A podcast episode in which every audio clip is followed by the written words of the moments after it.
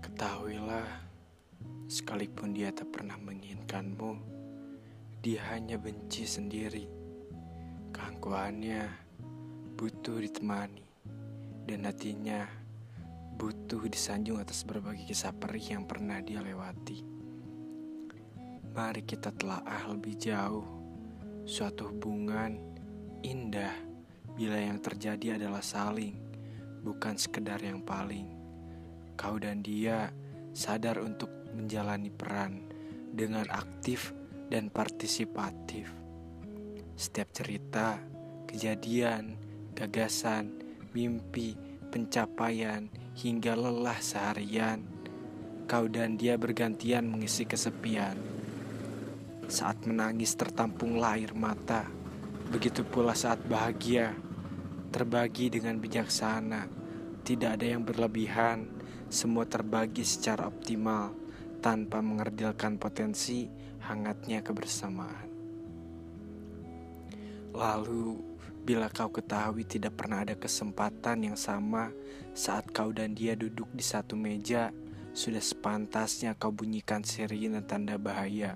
Saking seringnya kau ada untuknya, sehari tadi repotkan seperti ada yang kurang. Kau mulai menanyakan kabarnya dia tanggapi dengan menanyakan posisi. Kau sudah siap berangkat, lalu dia menghilang lagi. Ini yang paling menyinta logika pikirku. Kenapa bisa ada seorang yang mengajak bertemu begitu sudah siap untuk ditemui, tiba-tiba dia tak bisa dihubungi? Itu kenapa? Kok ada sih orang-orang yang memainkan khawatir sebegitu hebatnya? Heh, apa?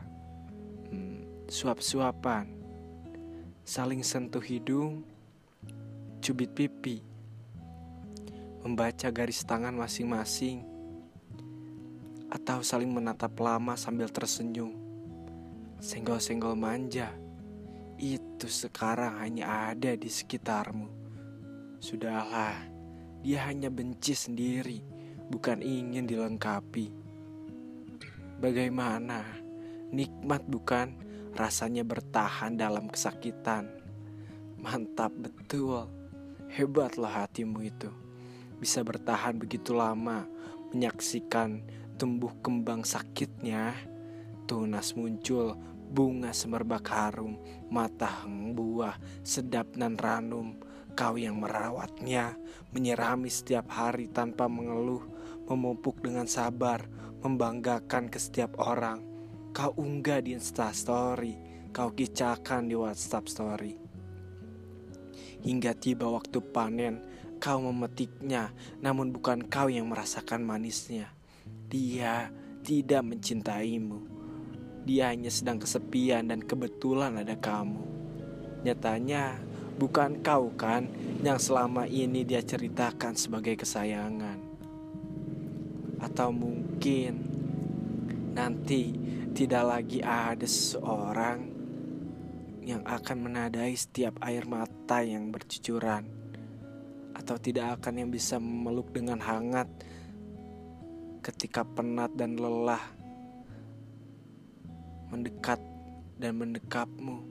Atau mungkin tidak ada lagi telinga yang akan mendengarkan cerita-cerita atas semua lelah seharian yang dibalas atau mungkin tidak ada lagi teman yang memang bisa melangkah bersama sebagai hidup dan redupnya. Ya,